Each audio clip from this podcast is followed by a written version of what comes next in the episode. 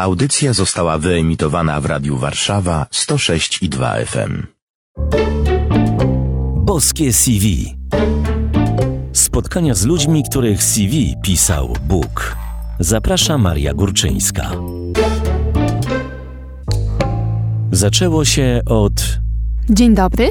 W świecie filmowym po zamknięciu etapu preprodukcji, czyli tych wszelkich przygotowań, mówi się, że film jest już właściwie gotowy, trzeba go tylko jeszcze nakręcić.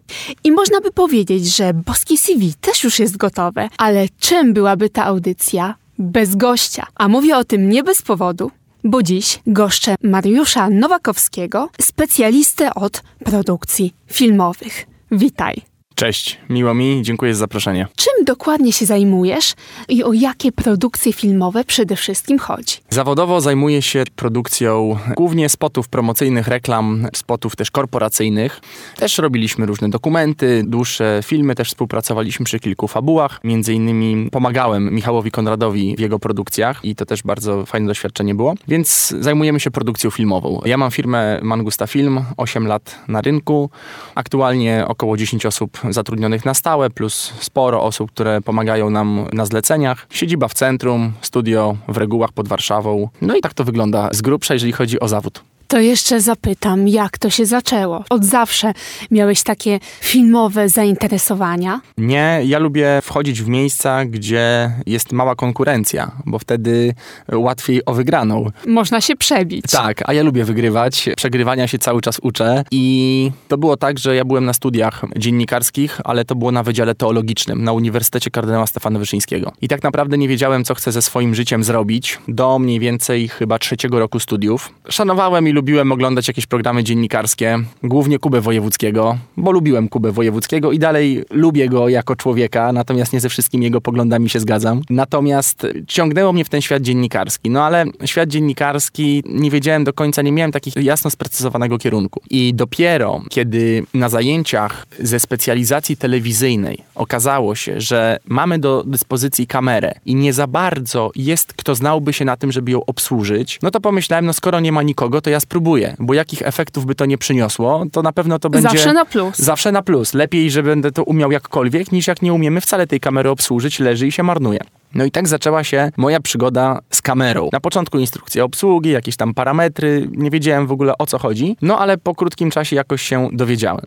I potem zacząłem być kojarzony z kamerą na studiach. Człowiek od kamery. Tak, dokładnie tak. I tak się zaczęło. Tak się zaczęło. Jak jeszcze, co ci pomagało odkrywać kolejne elementy układanki, która doprowadziła i doprowadza, bo myślę, że to jeszcze nie koniec, a początek wciąż do tego, czym się zajmujesz na co dzień. Eliminacja. Odpowiedź na Twoje pytanie to eliminacja. Czyli zobaczyłem, że jest wiele dróg i zastanowiłem się, czego nie chcę tego, tego, tamtego i to doprowadziło mnie, ok, czyli chciałbym iść w stronę szeroko rozumianej telewizji. I podjąłem decyzję mniej więcej na trzecim roku studiów, że przestaję angażować się we wszystko, bo nie wiem w co mam się zaangażować, a będę angażował się i robił sobie przestrzeń na to, żeby angażować się w tematy około telewizyjne. Szeroko rozumiane, bo jeszcze nie wiedziałem wtedy, czy ja chcę pracować przed kamerą, za kamerą, nie wiedziałem tego. I w momencie, kiedy podjąłem świadomie tę decyzję, to dosłownie następnego dnia, czy dwa dni później, idąc do kampusu na zajęcia po prostu rano,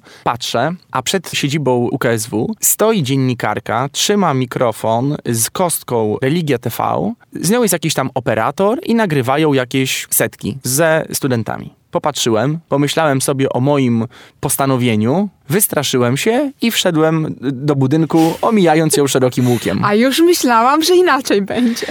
Usiadłem w ławce. Ksiądz, z którym mieliśmy akurat wtedy wykłady, mówi, że na dole jest realizowana sonda do programu do Religia TV i każdy ze studentów w trakcie wykładu może sobie tam wyjść i wziąć udział w tej sondzie. I ja stwierdziłem, że skoro można wyjść z wykładu, no to jednak się zawrócę. Okazja jest. Okazja jest.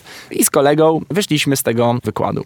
Stanąłem przed kamerą, zostały mi zadane pytania. Nie wiedziałem praktycznie nic. To była taka sonda, która miała pokazywać, że młodzi ludzie nie wiedzą, jakie sformułowania są w Biblii, nie wiedzą, co one oznaczają i dzięki temu sensowność programu, do którego y, ten materiał był wykorzystywany, ta sensowność była podnoszona, no bo skoro ludzie nie wiedzą, no to my im tłumaczymy w tym programie. Program nazywał się bodajże z Biblii ukradzione, czyli takie frazesy zaczerpnięte z Biblii i ich wytłumaczenie. Nie wiedziałem nic, y, cały się trząsłem ze strachu, ale po nagraniu zapytałem, czy nie potrzebują jakiejkolwiek pomocy w tej telewizji, bo ja muszę odbyć praktyki. Dziennikarka powiedziała, że e, zoba- Odezwiemy się. Odezwiemy się, dokładnie. I tyle tego było. Dałem jej numer. I nie wiem, czy następnego dnia, już nie pamiętam, czy kilka dni później, dzwoni do mnie, że ma awarię, bo musi realizować jakieś inne rzeczy i czy ja bym mógł za nią zrealizować taką sondę podobną, czy taką samą, na kampusie wśród studentów. No ja powiedziałem, że z ogromną przyjemnością. I okazało się, że przyjechał operator samochodem obrędowanym, to była Skoda firmowa, z wielką kamerą, tłuczkiem, czyli mikrofonem, z kostką, wszystko było mega profesjonalne. I ja się czułem, jak to się mówi kolokwialnie, jakbym chwycił Pana Boga za nogi. Chodziłem po tym kampusie, dumny jak paw, z tym mikrofonem. Tą sondę zrobiłem, załóżmy, że potrzebowaliśmy pięć odpowiedzi, to ja miałem chyba 10 odpowiedzi na każde zagadnienie, bo po prostu mnie to cieszyło. I kiedy tą sondę zrobiłem, oczywiście w ramach nawet niepodpisanych praktyk, tak po prostu na gębę, to ta sonda gdzieś tam trafiła do tej telewizji i szefowa tej telewizji dowiedziała się o mnie, że jest jakiś taki młody chłopak, który chce odbyć praktyki dostał pierwsze zadanie i zrobił je nieźle. No i zaprosiła mnie na spotkanie.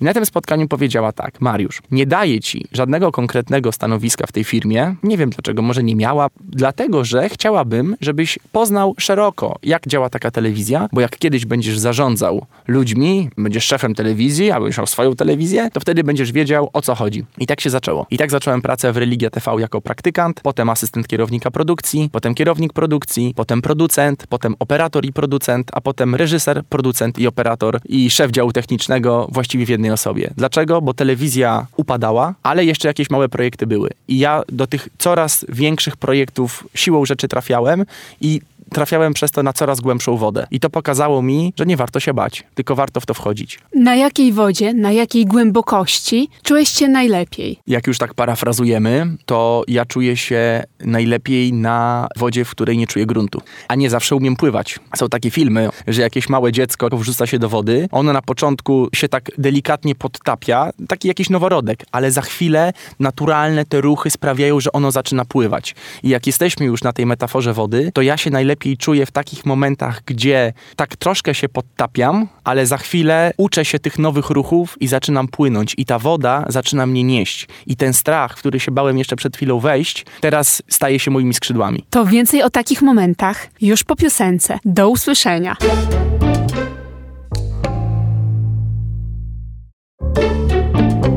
Boskie CV. Misja specjalna. Wiem, że ważna jest koncepcja kreatywna filmu. A ja chciałam zapytać, jaka jest Twoja koncepcja, a właściwie misja Twojej pracy? Żeby stworzyć dobrą koncepcję kreatywną do filmu, przede wszystkim trzeba usłyszeć potrzeby klienta. Często jest tak, że klient ma jakąś strategię na realizację swojego celu i w tą strategię od razu kieruje podwykonawcę, żeby w ten sposób działać. Ale kiedy usłyszy się dobrze motywy i dążenia, cele prywatne, zawodowe, korporacyjne klienta, to wtedy można pomyśleć out of the box, ale cały czas w zakresie, w którym potrzebuje klient, czyli rozwiązując realne problemy klienta, a nie rozwiązując swoje problemy, które wydarzyły się na etapie tworzenia koncepcji. I tak samo jest z ludźmi, z którymi współpracuję, bo to ludzie, z którymi współpracuję w tej przestrzeni usług, które my tworzymy i dostarczamy, my nie produkujemy cegieł, bo jakbyśmy produkowali cegły, to wtedy produkt jest najważniejszy, produkt dojeżdża do klienta, cegły nie są połamane, sztuki się zgadzają, jest dobrze. Tutaj jest zupełnie inaczej. Wszystko opiera się na relacji z drugim człowiekiem i nie jest ważniejsza relacja z klientem niż relacja z osobami, z którymi się współpracuje. To jest tak samo ważne, bo tu i tu jest ten sam człowiek. Być może tam jest prezes wielkiej korporacji, a tutaj jest być może praktykant, ale pokazuje to doświadczenie, że ten praktykant może z jednej strony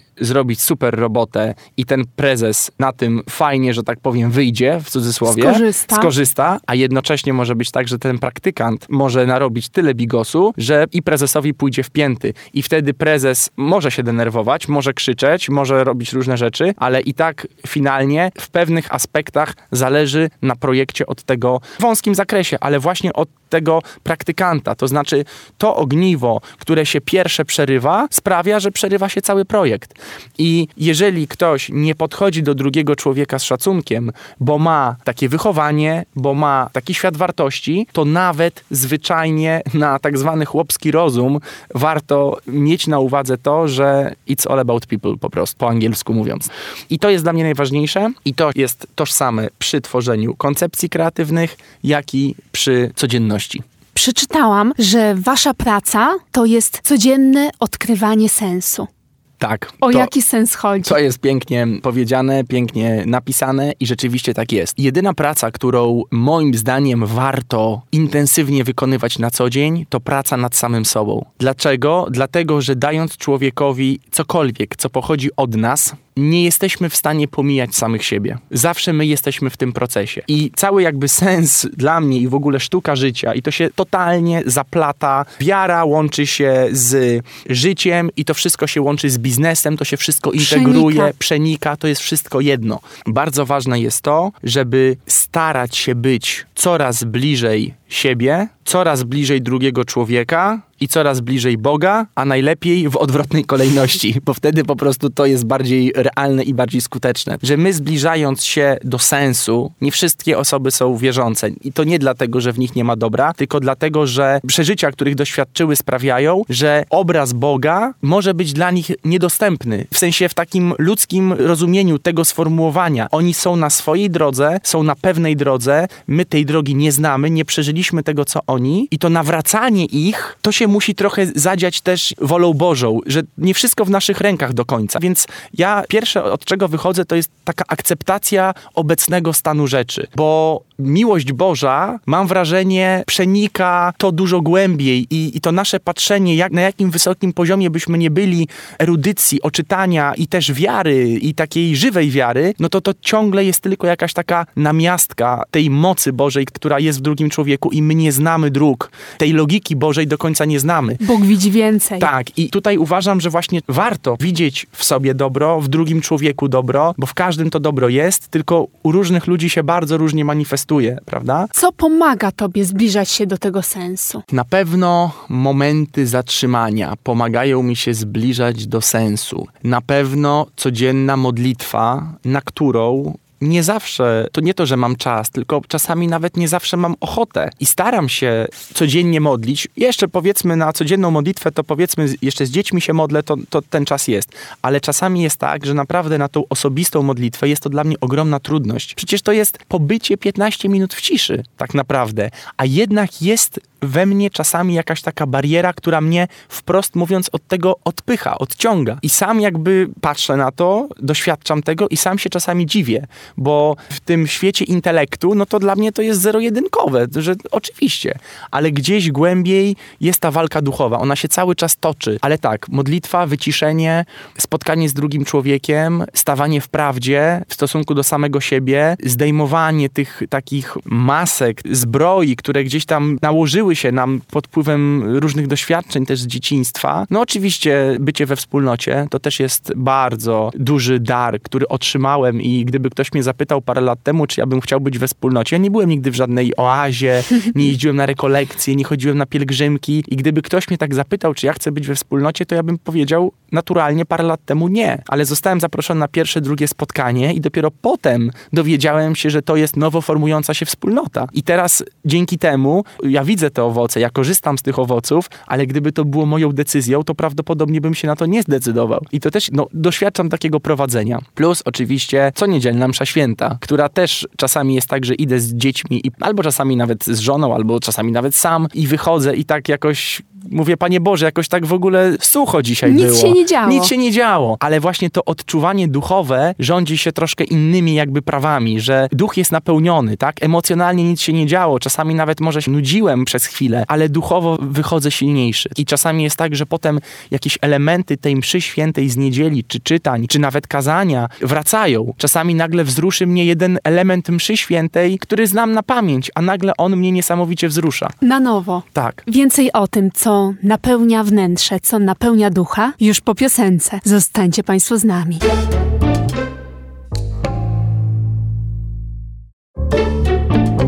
Boskie CV.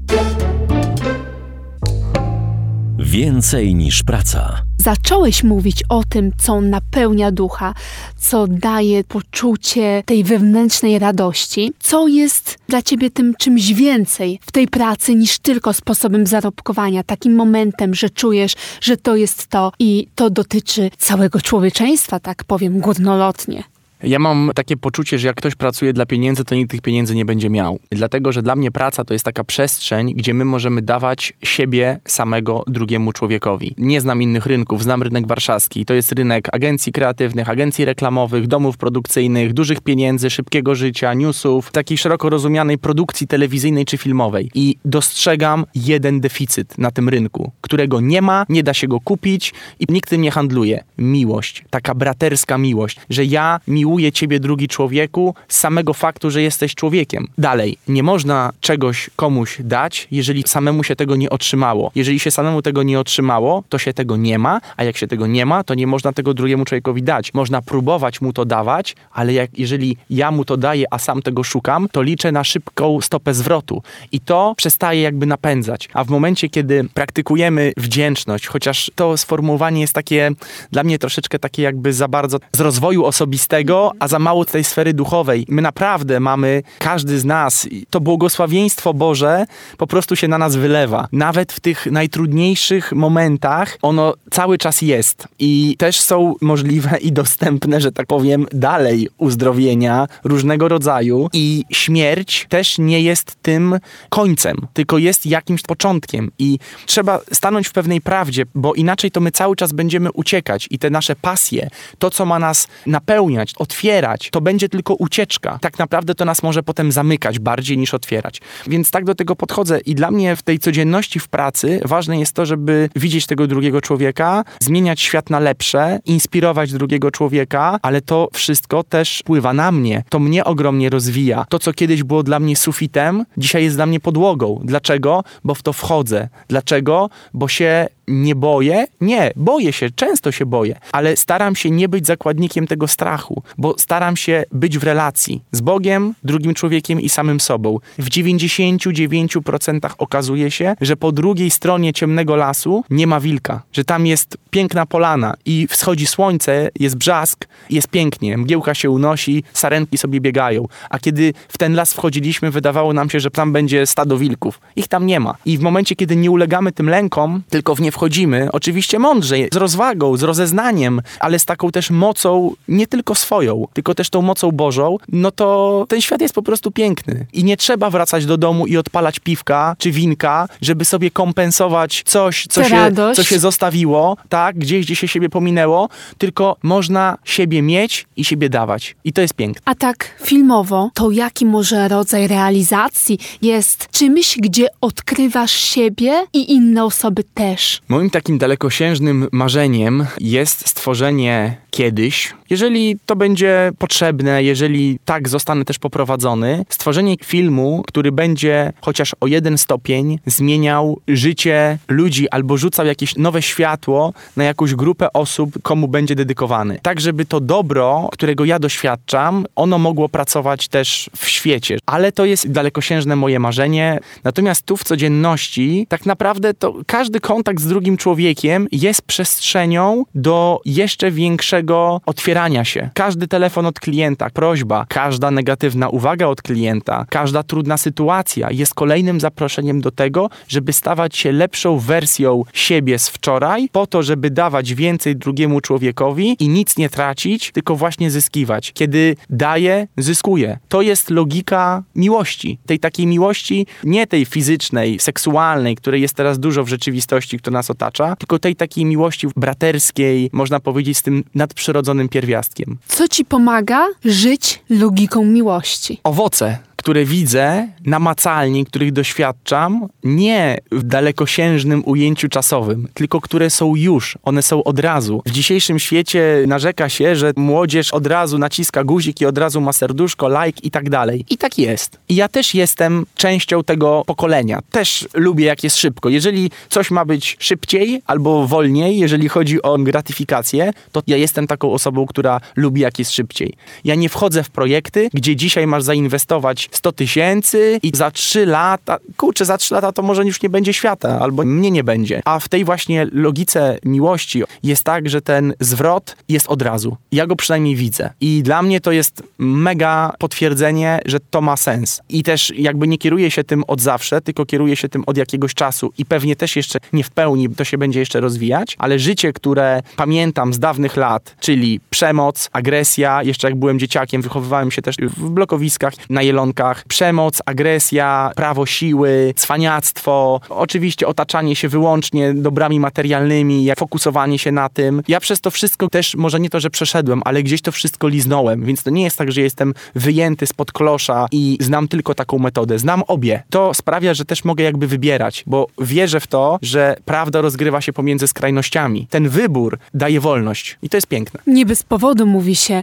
że po owocach właśnie poznacie te skutki, konsekwencje, to jakie będą owoce. Dziękuję Tobie za spotkanie i życzę, aby Twoje marzenie się spełniło, a właściwie to też się mówi tak, że marzenia się nie spełniają, marzenia się spełnia. Więc życzę Tobie, byś spełniał te marzenia ku dobru innych osób, jak i swojemu. I to można mówić też w odwrotnej kolejności, bo to jest powiązane, a wszystko też po to, by to służyło dobru ogólnemu, temu, które jest od Boga. Więc dziękuję Tobie za spotkanie. Bardzo dziękuję. Moim gościem był Mariusz Nowakowski. To była audycja Boskie CV, a mówiła Maria Górczyńska. Dziękuję, do usłyszenia. Boskie CV.